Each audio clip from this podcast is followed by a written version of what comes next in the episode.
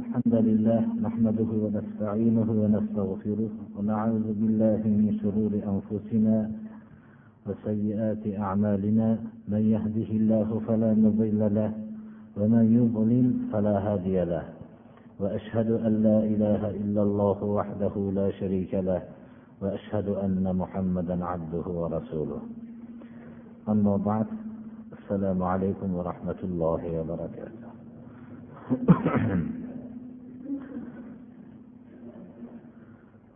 استعيذ بالله ولقد مكناكم في الأرض وجعلنا لكم فيها معايش قليلا ما تشكرون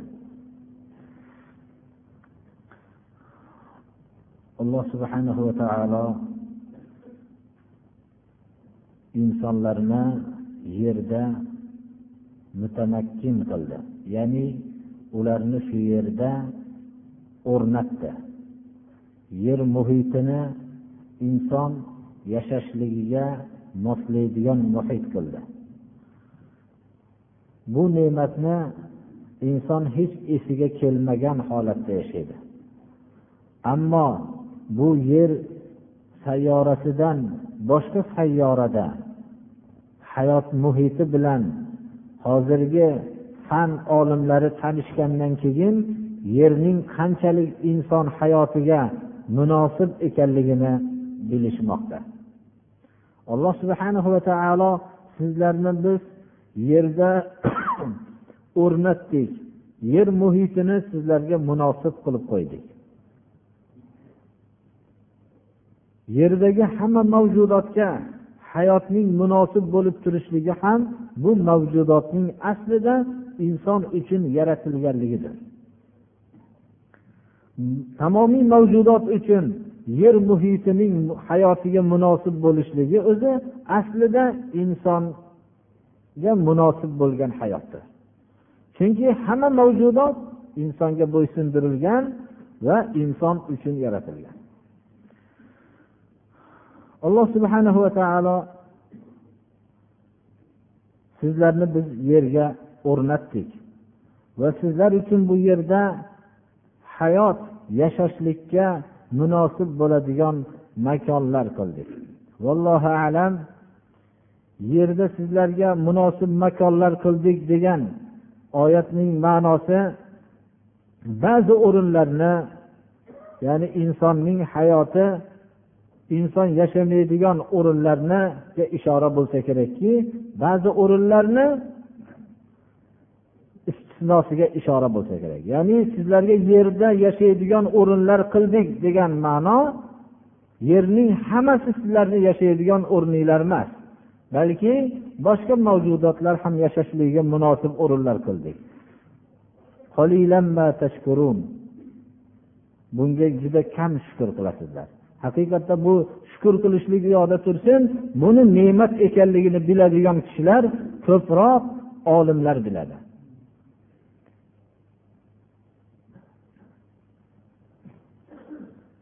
Agar alloh subhanahu va taolo insonni shu yerda o'zi o'rnatib yer muhitini insonga munosib qilmaganda bu zaif maxluqqa yashashlik mumkin bo'lmasdi. Agar alloh subhanahu va taolo yerdagi ko'p narsalarni insonga bo'ysundirmaganda bu zaif maxluq ularni o'ziga bo'ysundirolmagan bo'lardi hozirgi johiliyat va e, eski johiliyat tasavvuri bilan aytganda tabiatga g'alaba qilolmay qolgan bo'lardi. Bular doim tabiat injirliklarni yengib tabiatga g'alaba qilib degan johiliy so'zlar bu grek falsafalardan qolgan. Inson bilan tabiat o'rtasida ilgarigi yunon falsafasi kurash barpo qilgan. Go'yoki tabiat unga bir qarshi ish qiladi. Inson u bilan doim kurashadigan bir maxluq deb tasavvur qiladi. Islom dunyoqarashida unday emas. Islom dunyoqarashi biz shunday bilamizki alloh subhana va taolo borliqni yaratdi. Va shu insonni bu borliqqa yaratdi. Allohning mashiati hikmati shu borliq tabiatini insonning tabiatiga muvofiq bo'lishligini iroda qildi. Va insonga shunday qobiliyatlar berdiki u qobiliyatlarni borliqdagi holatlarni borliqdagi narsalarni bo'ysundirib yashashlikka imkoniyat beradigan qobiliyatlarni berdi. Mana bu alloh subhanahu va taolo inson bilan borliqni o'rtasida bir muhabbat do'stlikni barpo qildi. Ammo yunon falsafalari ilgarigi qadimiy falsafalarning bular inson bilan borliq o'rtasida ziddiyat qarama qarshilikni barpo qilgan. Mana bu johiliy tasavvur falsafalarini hozirgacha ham ta'siri keladiki uni sezgan yo sezmagan holatda tillari bilan talqin qilishadiki tabiat injiqliklarini yengib deb tabiat bilan inson o'rtasida adovat va kurashni barpo qilishgan. Alloh subhana va taolo biz sizlarni yerda o'rnatdik. yer muhitini sizlarga munosib qildik va bu yerda sizlarga yashaydigan o'rinlar qildik sizlar bu ne'matga juda kam shukur qilasizlar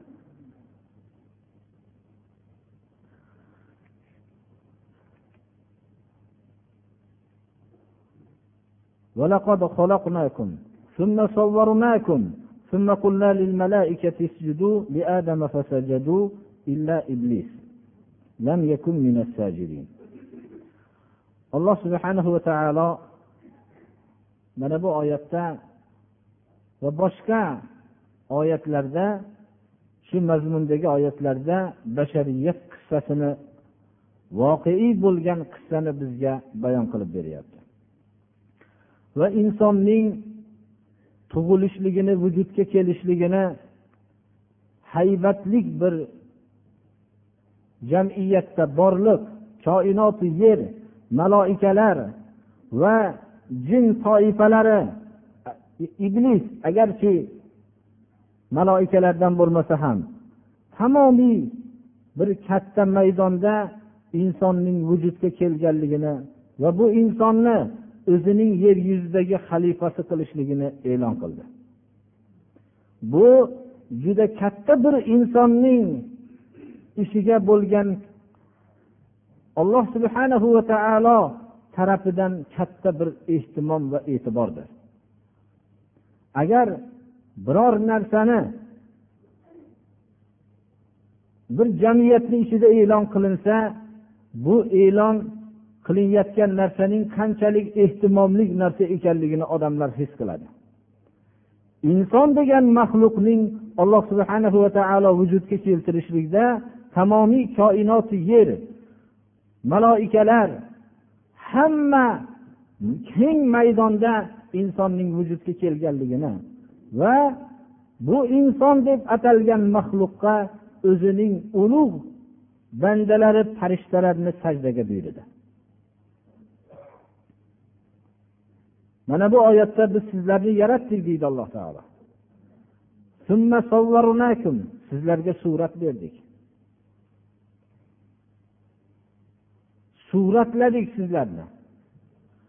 Insonning surati eng go'zal bir suratda yaratildi. Insonni har bir a'zosi daqiq bir suratda yaratildi. Agar bu suratga zarracha bir putur yetadigan bo'lsa u o'zining muvozanat holatidan buziladi. Inson biror bir joyini kesib oladigan bo'lsa u tuzalgandan keyin u ilgarigi holati bo'lmaydi birodarlar. Ming minglab bog'langan mayda tomirchalar to'g'ri bog'lanmaydi. Alloh subhanahu va taolo sizlarga bir surat berdik. Bu surat eng go'zal surat bo'ldi. Keyin farishtalarga sajda qilinglar odamga deb buyurdik adam hammalari alloh subhanahu va taoloning buyrug'iga bo'ysunib sajda qilishdi illa iblis. İblis shayton sajda qilmadi sajda qiluvchilar jumlasidan bo'lmadi alloh subhanahu va taolo iblisga xitob qildi.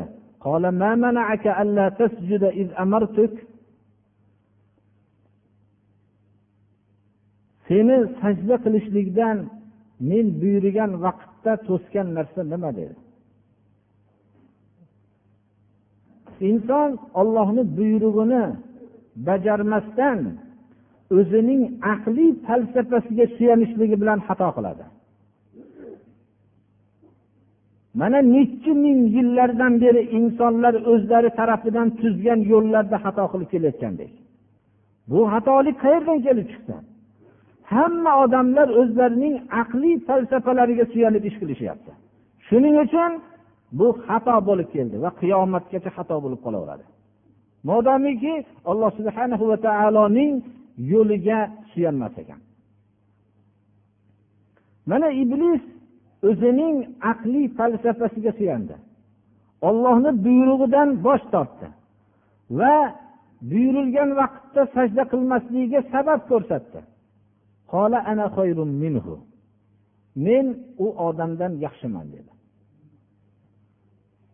O'zining yaxshiligiga sabab ko'rsatdi. Uni meni o'tdan yaratding uni loydan yaratding ya'ni mening aslim o't uning asli loy. O'zining yaxshiligiga hujjat ko'rsatdi. O'zining noto'g'ri mantiqini bayon qildi.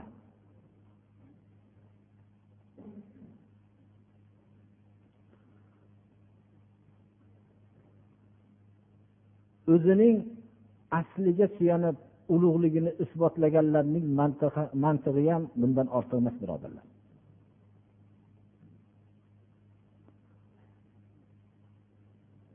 Mana bu qaysi bir insonlarni adashganligini tekshirib ko'radigan bo'lsangiz o'zining aqliy falsafasiga suyangan. Aql bugun isbotlagan narsasini e- ertaga inkor qilaveradi. Bugun inkor qilgan narsasini ertaga isbotlayveradi bu yerda komil aql yo'q. Komil aql bu vahiydir alloh subhanahu va taolo tarafidan kelgan vahiydir mana bu vahiy komil aql tarafidan kelgan. Shuning uchun inson alloh subhanahu va taolo tarafidan kelgan vahiyni qabul qilmoqligi kerak agar iymonni davo qiladigan bo'lsa.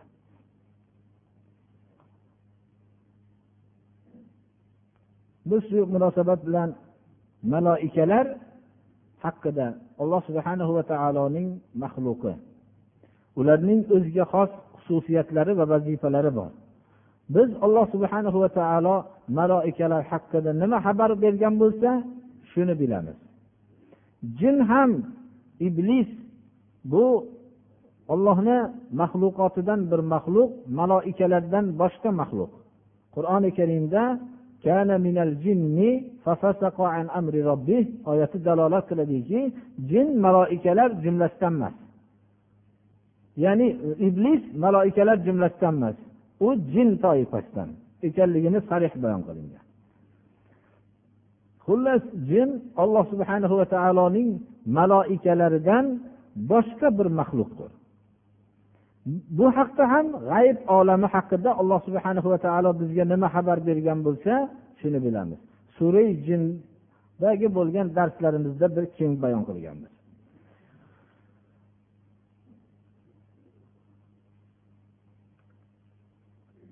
Alloh subhanahu va taolo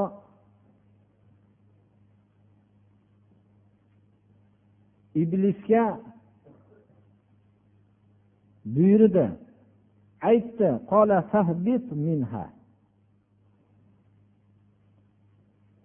tush bu yerdan dedi. Bu yerda takabburlik qilishlik mumkin emas. Takabburlik qilishliging mumkin emas. Chiq sen qiyomatgacha xorlar jumlasidansan dedi. Shundan bilishimiz kerakki ollohni tanish modomiki ollohni buyrug'iga bo'ysunmasa foyda bermaydi birodarlar. Ollohni bo'lgan borligiga sifatlariga bo'lgan e'tiqod ollohni buyrug'iga bo'ysunish topilmasa foyda bermaydi. Ollohni rahmatidan ollohni jannatidan quvildi unga la'nat sazovor bo'ldi. Xorlik sazovor bo'ldi qiyomat kunigacha. Lekin bu iblis o'zining rahmatdan quvg'in qilinganligini sababni yaxshi tanidi. Bunga sabab odam deb bildi. Va shu yerda inson bilan iblis o'rtasida qiyomatgacha jang maydoni barpo bo'ldi birodarlar.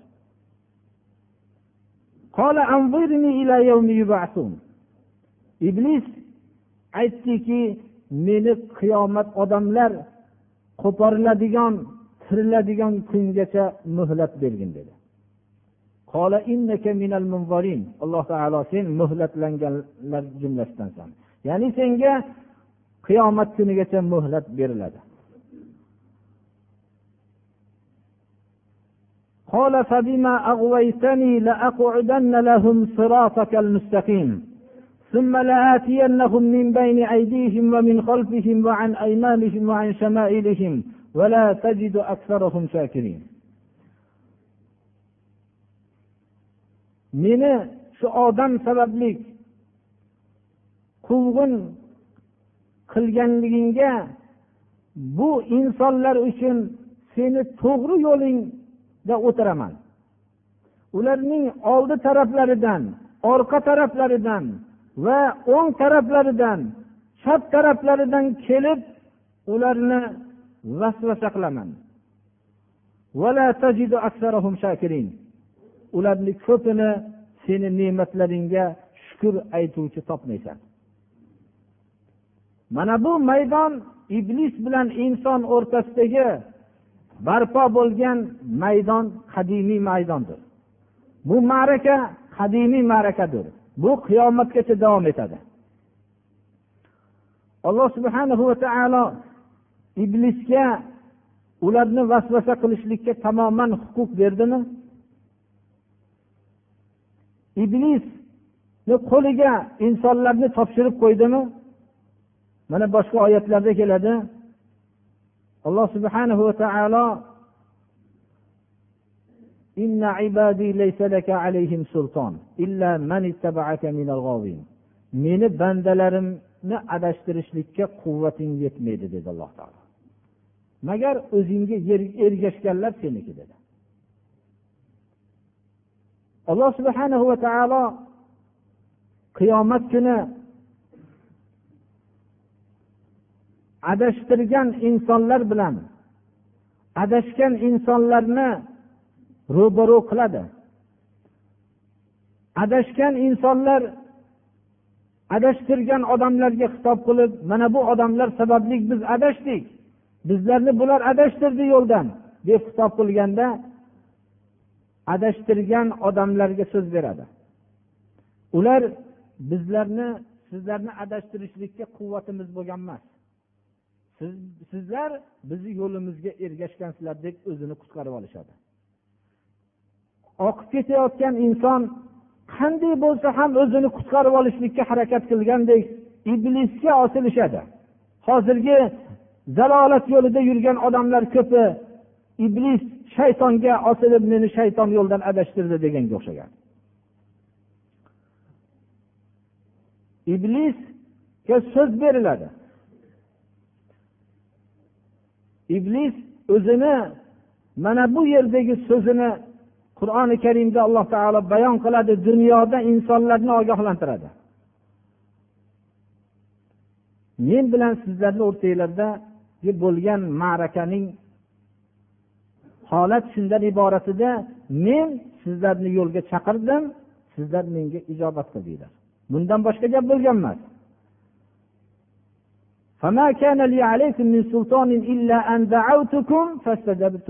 Meni quvvatim bo'lgan emas deydi iblis. Sizlarni adashtirishlikka. Magar men chaqirdim sizlar labbay dedilar. meni malomat qilmanglar o'zinglarni malomat qilinglar deydi bugun sizlarni dodinglarga men yetolmayman sizlar meni dodimga yetolmaysizlar deydi alloh subhanahu va taolo ollohni o'ziga suyangan odamlarni adashtirishlikka quvvat bermadi iblisga. Shuning uchun biz iblisni ko'rmaymiz. Ammo u ko'rib turadi bizni.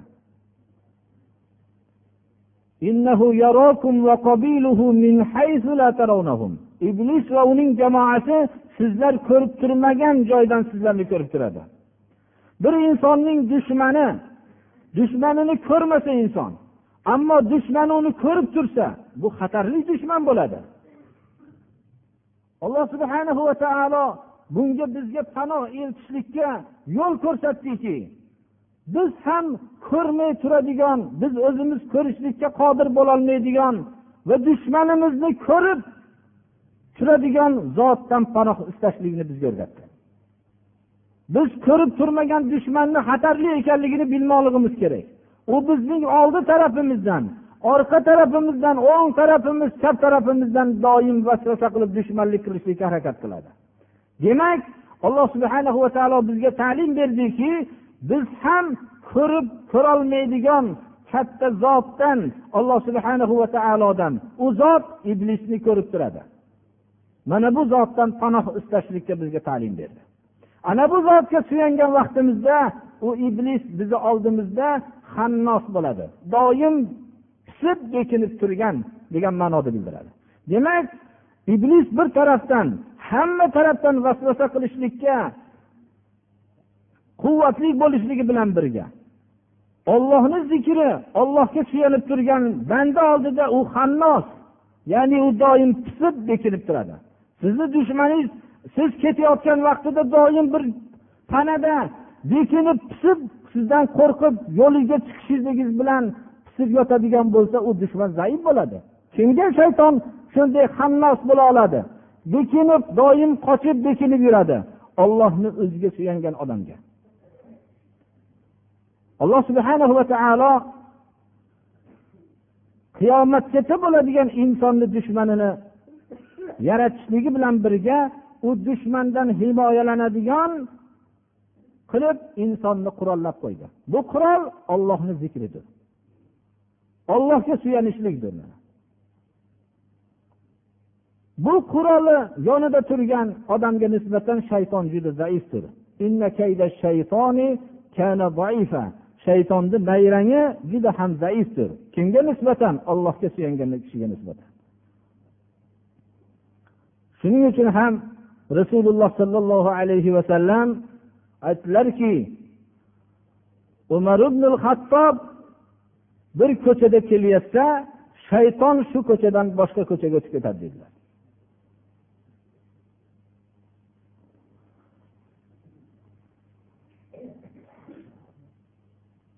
قال اخرج منها مذءوما مدحورا لمن تبعك منهم لأملأن جهنم منكم أجمعين alloh subhanahu va taolo shaytonni o'zining rahmatidan jannatidan chiq dedi xor bo'lgan holatingda mazmum mazammatlangan holatda dunyoda qaysi odam shayton nomini eshitsa la'nati bo'lsin deb so'kib gapiradi malun deydi la'nati shayton deb gapiradi Mana u olloh tarafidan mazmun mazammatlangan xorlangan holatida jannatdan quvg'in qilindi.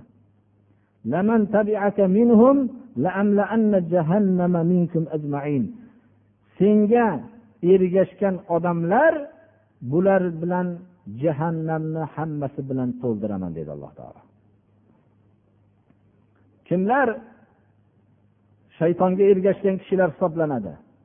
Ollohni tanishlikda kitobi sunnat asosida ollohi rasuli tarafidan berilgan xabarlarni qo'yib ollohni ma'rifatulloh hosil qilganda havosi rayi bilan ollohni taniyman degan odamlar shaytonga ergashgan kishilardir. Olloh rasuli tarafidan ollohning sifatlarini qabul qilmoqlik kerak. Asmoul husno ollohning ismlarini olloh rasuli tarafidan bo'lgan xabarlar bilan tasdiq qilinmoqligi kerak. E'tiqodiy masalalarda olloh rasuli tarafidan bo'lgan narsani qabul qilmasdan havosi orqali topgan odamlar shaytonga ergashgan kishilardir. Jahannamni shunday kishilar bilan alloh taolo to'ldiradi. Ollohni hokimligini qo'yib ollohning hukmlarini qo'yib boshqalarni hukmi ollohni hukmidan afzal yoki barobar deb aytgan odamlar shaytonga ergashgan kishilardir. Jahannamni obod qiladigan kishilardir. Ollohni bir buyrug'i kelgan vaqtda bir menga fikrlab tekshirib ko'rishlik haqqi bor deb o'ylagan odamlar ham shaytonga ergashib jahannamni o'tini bo'ladigan odamlardir.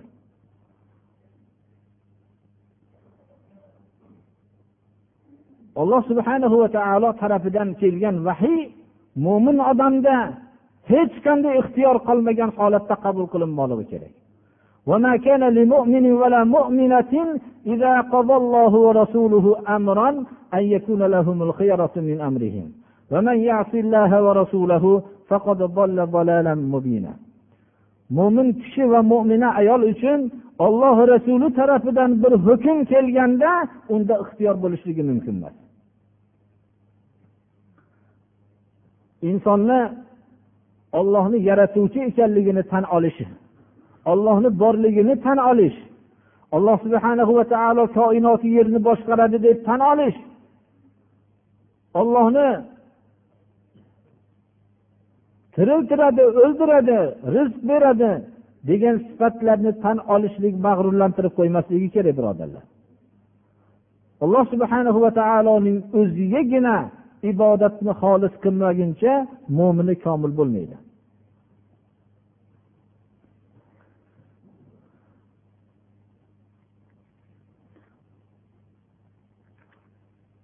Alloh subhanahu va taolo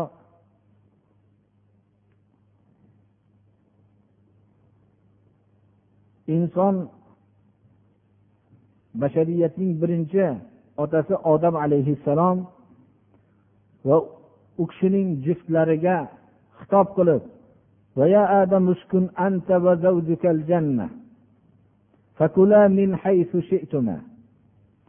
ey odam siz va juftingiz jannatda sukunat qilinglar. Uskun ya'ni juda orom bilan turinglar. Xohlagan o'rninglardan yeyglar bu daraxtga yaqin bo'lmanglar dedi alloh taolo. Biz shu shu bilan shuni eslatib o'tmoqchimizki alloh subhana va taolo odam alayhissalomni yaratdi va juftini yaratdi. Lekin biz ko'pchilik xalqlarga o'rtasida yurgan chap qovurg'asidan yaratdi u yeridan yaratdi bu yeridan yaratdi degan so'zlar bularga asos yo'qdir birodarlar. Bu haqda rivoyat qilingan hadislar sahih hadis emas.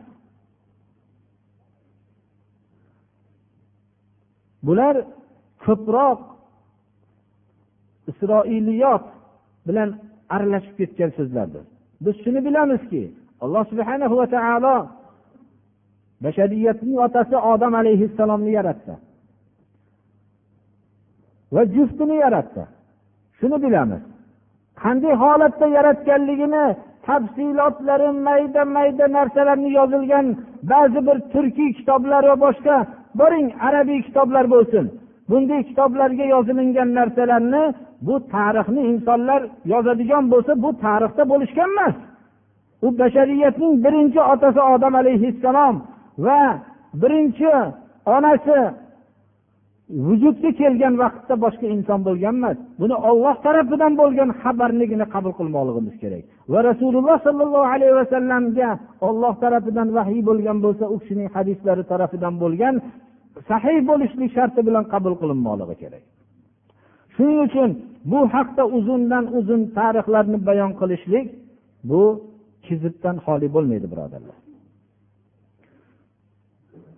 Alloh subhanahu va taolo jannatdagi har bir o'rindan yeyishlikka buyurdi va insonning boshqa maxluq ekanligiga ishora qilib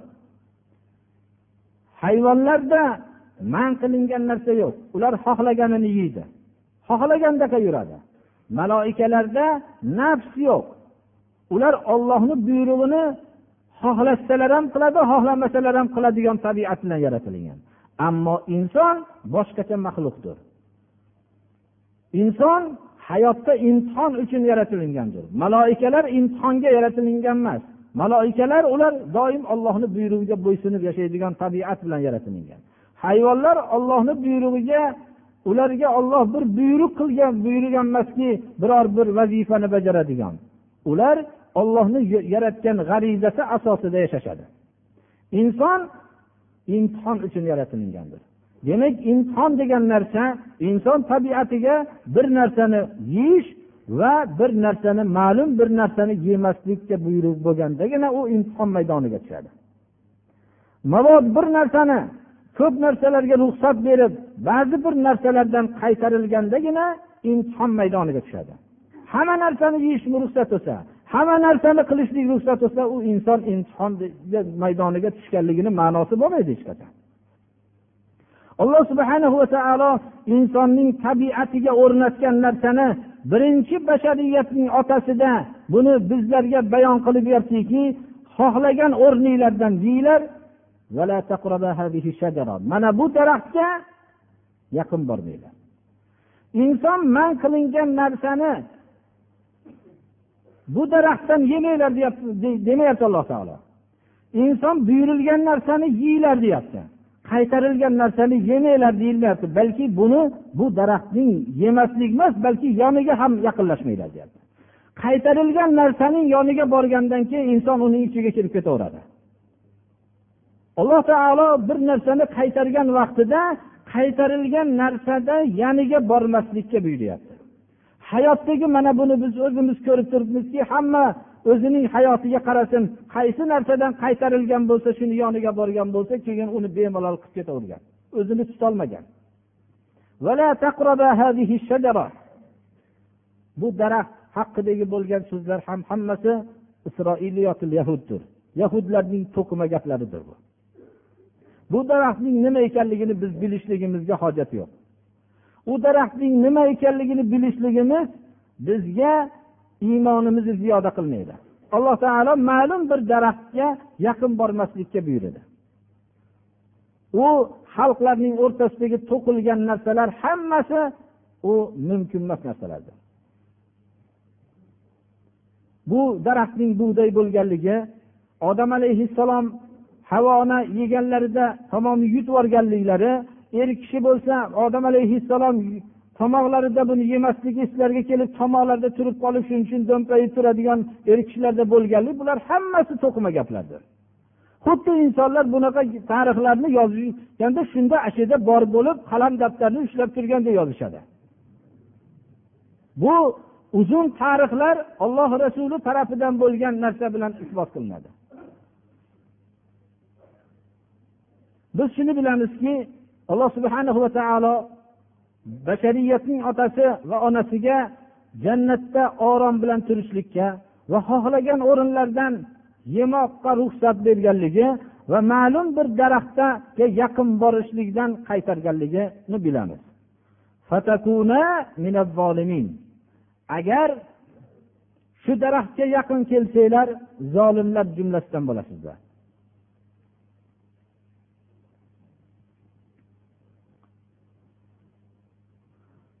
Shayton o'zining dushmanini yo'ldan chiqarishlikka harakat qildi.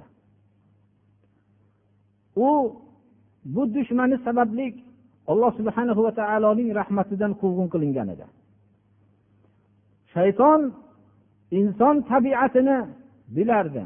Qayerdan buni izdan chiqarishlik oson ekanligini ham bilardi. Inson hech qaysi maydondan yengilmagan inson jinsiy shahvat tarafidan yengiladi. Yoyinki yemoq bundan yengiladi. Asli yemoq ham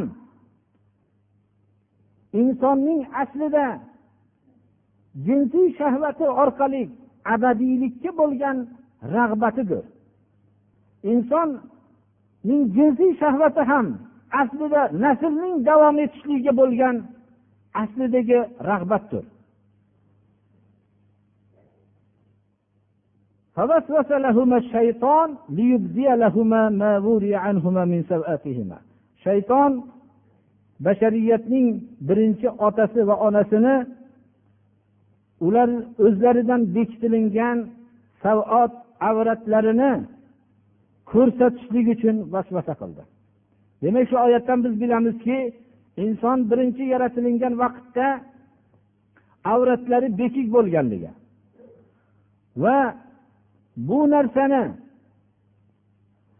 avratlarini ko'rmaganliklarini shu oyatdan ma'lum bo'ladi وقال ما نهاكما ربكما عن هذه الشجرة إلا أن تكونا ملكين ba'zi qiroatlardarabbiylar illa an takuna malikayni takuna bu daraxtga yaqin kelishlikdan qaytarishligi sizlar farishta bo'lib ketib qolmasliginglar uchun qaytardi. Yoyinki ikkinchi qiroatda podshoh bo'lib qolmasliginglar uchun qaytardi. Agar shu daraxtdan yesanglar farishta bo'lasizlar yo podshoh bo'lasizlar? Yoyinki sizlar o'lmaydigan bo'lib qolishliginglar shu o'lmaydigan abadiy yashaydigan bo'lib qolmasliginglar uchun yeyishdan qaytardi agar yesanglar sizlar abadiy yashaysizlar dedi ana shayton vasvasaning qaysi darchadan kirishligini bildi yer kurrasidagi hamma insonni tekshirib qarasangiz malikayn qiroati muvofiqroq deyishadilar agarchi mashhur bo'lmasa ham chunki sura tohoda hal adullukum ala shajaratil xuldi va mulkin la yabla. Abadiy daraxtga sizlarni yo'llab qo'yaymi? degan.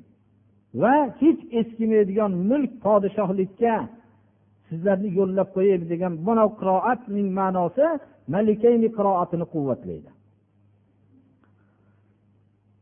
Yer kurrasidagi hamma insonni qalbida baland martabada bo'lishlik rag'bati bo'ladi.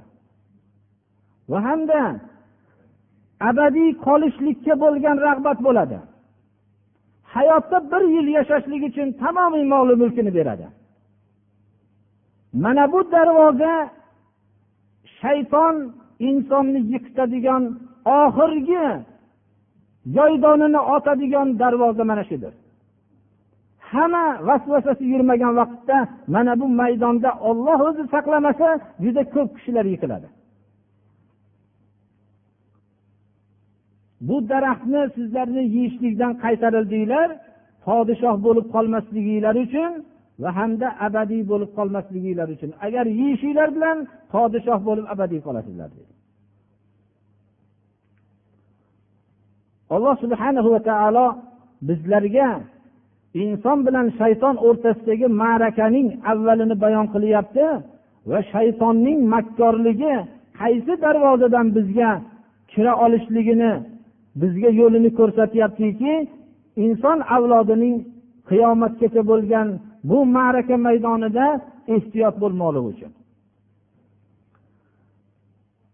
Yer kurrasidagi eng zo'ravon kishilar eng aqlli kishilar yengilmagan vaqtida ularning shu jinsiy shahvat orqali yengilgan. O'zlarining millatlarini sotgan kishilarning tarixini olsangiz ham shu jinsiy shahvatga qul bo'lishligi orqasida millatlarni sotgan. Shuning uchun ham josuslar biror bir katta lavozimda yo biror kishini qo'lga ololmaydigan bo'lsa mana bu darvoza orqali ularni qo'lga oladi. Alloh subhana va taolo jinsiy shahvatni yomon narsa qilgani yo'q. Bu narsani insonning tabiatida insonga markazlashtirdi va buning buni g'ariza tabiat qildi va buning halol yo'l bilan qondirish yo'lini ham ko'rsatdi. Bu shariatdagi nikoh edi bu. Dunyodagi insonlar xohlashsalar ham xohlashmasalar ham ularning tabiatida alloh subhanahu va taolo ko'p g'arizalarni o'rnatdiki bu g'arizalarni to'g'ri yo'l bilan qondirish yo'llarini o'rgatdi. Agar buni to'g'ri halol yo'l bilan qondirilmasa harom yo'l bilan qondirishlikka inson majbur bo'lib zalolat bilan ketadi. Islom yo'li mana shu g'arizalarning to'g'ri yo'lini ko'rsatdi. Insondagi jins g'arizasi. Bunga nikohni mashru qildi. Agar nikoh bilan bu mashru bo'lgan yo'l bilan qondirmasa harom yo'llarga yuradi. Mana hozirgi bashariyatni butun achinarli ahvolga tushib qolishligiga o'xshagan insonda qo'rquv g'arizasini yaratdi. Agar bu qo'rquv g'arizasini baribir u qo'rqib yashaydi. U qo'rqishlikni ollohdan qo'rqishlik bilan qondirdi. Ollohdan qo'rqish insonni katta bir ulug' zot bo'lishligiga sabab bo'ladi. Va o'zining hayot yo'nalishida dovyurak bo'lib yashashlikka sabab bo'ladi. Agar ollohdan qo'rqmasa u qo'rqmasdan yashamaydi. Bir ba'zi foydayu zarar yetkazolmaydigan narsalardan qo'rqib yashaydi. Balki ko'lankasidan ham qo'rqib yashaydi. Rajo umid g'arizasi. Umid g'arizasini alloh subhana va taolo o'zidan umid qilishlik bilan qondirdi. Agar bu ollohdan umid qilmasa boshqa bir narsalardan umid qilib yashab o'zi mushrik bo'lib yashaydi. Shunga o'xshagan insonda ko'p g'arizalar bor. Abadiy qolishlikka bo'lgan g'ariza bor. Bu g'arizani oxiratda abadiy saodat bilan yashashlik bilan bu g'arizani alloh subhana va taolo qondirishlikni bizga ta'lim berdi. Bu g'arizani qondirishlikni ollohni yo'lida bo'lgan xizmat bilan ollohni yo'lida shahid bo'lishlik bilan qondirishlikni va jannatda abadiy saodatga sazovor bo'lishligi bilan qondirish yo'lini o'rgatdi. Bo'lmasam bu g'arizadan qondir to'g'ri yo'l bilan qondirilmasa inson baribir bu g'arizadan qochib qutulmaydida o'zini umrini uzunroq bo'lib yashashlik uchun millatlarni sotishlikdan ham voz kechmaydi. Va o'zining hayosiz ishlar qilishlikdan birovlarning moliga tajovuz qilishlikdan o'zining jonini salomat qolishligi uchun har qanday razolatdan qaytmasdan yashaydi. Mana bu g'arizani agar to'g'ri yo'l bilan qondirmasa inson baribir u noto'g'ri yo'l bilan qondirishlikka harakat qiladi. Bu bilan dunyoyu oxiratning badbaxtligiga sazovor bo'ladi. Mulk insonning katta lavozimda podshoh bo'lishlik bu g'arizasi buni alloh subhana va taolo o'zining huzurida jannatda katta bir maydonlarda podshohlardan ham katta bo'lib yashashlik bu yo'l bilan qondirdi. Alloh subhana va taolodan taqvo qilishlik bilan ollohni huzurida eng mukarram bo'lishligi g'arizasi bilan qondirdi. Va alloh subhana va taoloni huzurida nurdan bo'lgan tojlarda o'tirishlik olloh yo'lida do'stlashishlik bilan mana bunday manzillarga erishishlik bilan g'arizasini bu qondirdi. Yoyinki rasululloh sollallohu alayhi vasallam hadisi muboraklarda aytgan kim farzandlarini qur'oni karimni biladigan qur'onni amal qiladigan hofiz qilgan tarbiya qilgan bo'lsa alloh subhanahu va taoloning huzurida nurdan bo'lgan tojlar kiydiriladigan podshoh bo'lishlikni va'da qilishlik bilan qondirdi. Xullas qaysi bir g'ariza bo'lsa shu g'ariza orqali insonni islom o'zi o'zining to'g'ri yo'li bilan qondirdi. Shuni bilmoqligimiz kerakki bizning dushmanimiz shayton bizning abadiy qolishlikka bo'lgan rag'batimizni yaxshi biladi. Va shu orqali bizning birinchi otamiz odam alayhissalomga mana shu darvozadan qalbiga kirishlikka harakat qildi. Bu nihoyatda kuchli g'arizadir birodarlar. Yer kurrasidagi hamma odam biror kun bo'lsa ham uzun yashashlikni xohlaydi. Bu hozirgi bo'layotgan harakatlar sarf qilinayotgan mollar o'zining tandurust qilishlik uchun tamomiy qiyinchiliklarni ko'tarayotgan narsalar hammasi mana shu g'arizani qondirishlik uchun bo'lgan harakatdir. Shuning uchun bu shayton mana bu g'ariza orqali insonni aldashlikka harakat qiladi. Insonlarni hammasiga sotqinlik qilib musulmonlarning zarariga gap tashib borayotgan odamlar ham hayotda tinch uzoqroq yashashlik uchun qilayotganlikdan boshqa narsa emas. Lekin haqiqiy musulmonlar buni biladiki u abadiy qolishlikka ular ham rag'bat qiladi. Lekin ollohni huzurida jannatda saodat bilan abadiy yashashlikka rag'bat qiladi haqiqiy mo'minlar mana bu g'arizani haqiqiy mo'minlar mana bu uslub bilan qondirishadilar. Kazzob odam gapini to'g'rilashlik uchun o'zi gapi kizib bo'lsa ham qasamyod qilib gapiradi. Va o'zini xolisman deydi. Mana bu shaytonni aytgan so'zlaridandir bu. Odam alayhissalom va juftiga bu qasamyod qilib gapirdiki men sizlarga ta'kidlab aytamanki xolis nasihat qiluvchilardanman dedi. Adovat qilishlik g'arizasi birovni yomon ko'rish g'arizasi. Buni to'g'ri yo'l bilan qondirish yo'lini o'rgatdi. Bu shaytonni yomon ko'rishlik bilan qondirmoqligimiz kerak. Mana bu bizning g'arizamizni to'g'ri qondirishlik yo'li. Bu bir narsani yomon ko'rib yashashlikdan biz chetda bo'lolmaymiz biz yomon ko'rishlikka shaytonni yomon ko'rmoqligimiz kerak. Va shaytonga ergashgan ollohning dushmanlarini yomon ko'rmoqligimiz kerak.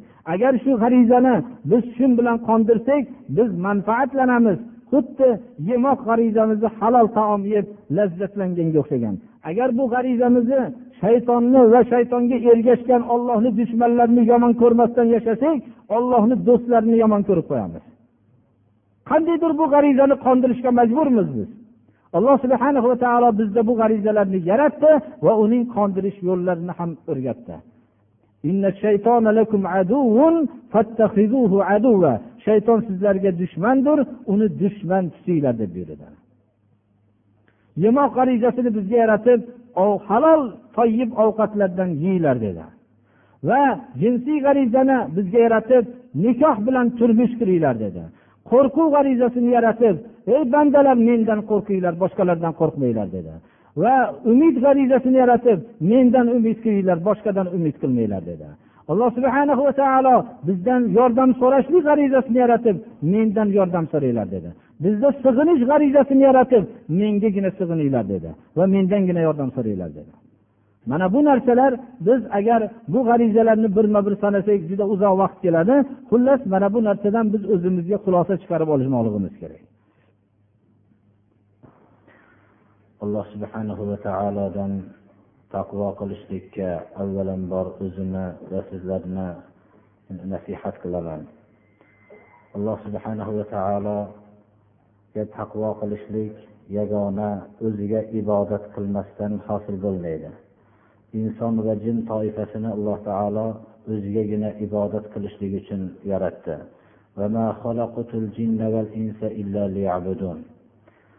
Ibodat e'tiqodiy lafziy va hamda badaniy moliy bo'ladi. E'tiqodiy ibodat alloh subhanahu va taoloni tanimoq olloh o'zi kitobida va rasululloh sollallohu alayhi vasallam hadisi muboraklarida sifatlagan sifatlar bilan. Biror bir ray yo havo yo aql bilan emas balki alloh subhanahu va taolo o'zining kalomida rasululloh sollallohu alayhi vasallam hadisi muboraklarida qanday o'zini tanitgan bo'lsa shunday tanimoqdir. O'tgan millatlarning hammasini boshqa toifalarning yahud nasorolarning adashishligi va hozirda ham adashib borishligi alloh subhanahu va taoloning tanishlikda havo rayi bilan taniganligidir va o'zlarining noqis aqllari bilan taniganligidir. Shuning uchun e'tiqodiy ibodat komil bo'lmaydi. Magar alloh subhanahu va taoloni tanishlik o'zining ko'rsatmasi rasulining ko'rsatmasi asosida bo'lgandagina e'tiqodiy ibodat alloh subhanahu va taoloning bu tanishlik dini islomning asosidir. Bu lafziy ibodat kalimai toyiba kalimai shahodatni aytmoq. Agar bir kishi qalbida ollohni e'tiqodan tanisayu lafzi bilan iqror bo'lmasa u jang maydonida uning musulmon ekanligi ma'lum bo'lmaydida va uning qatl qilinadi. U oxiratda o'zi olloh bilan o'zining o'rtasidagi sir bo'lib qolaveradi. Chunki lafziy ibodat bo'lishlik shartdir. La ilaha illalloh muhammadur rasululloh kalimasi bu lafziy ibodatdir. Shu so'zni e'tiqod qilishlik bilan komil iymon egasi bo'ladi. Agar bir kishi lafziy holatda aytsayu qalbida e'tiqod qilmasa islom yo'liga bu munofiqlar qatorida bo'lib zohirda musulmonlar safida bo'ladiyu lekin oxiratda u do'zaxning eng pastki qismida bo'ladi.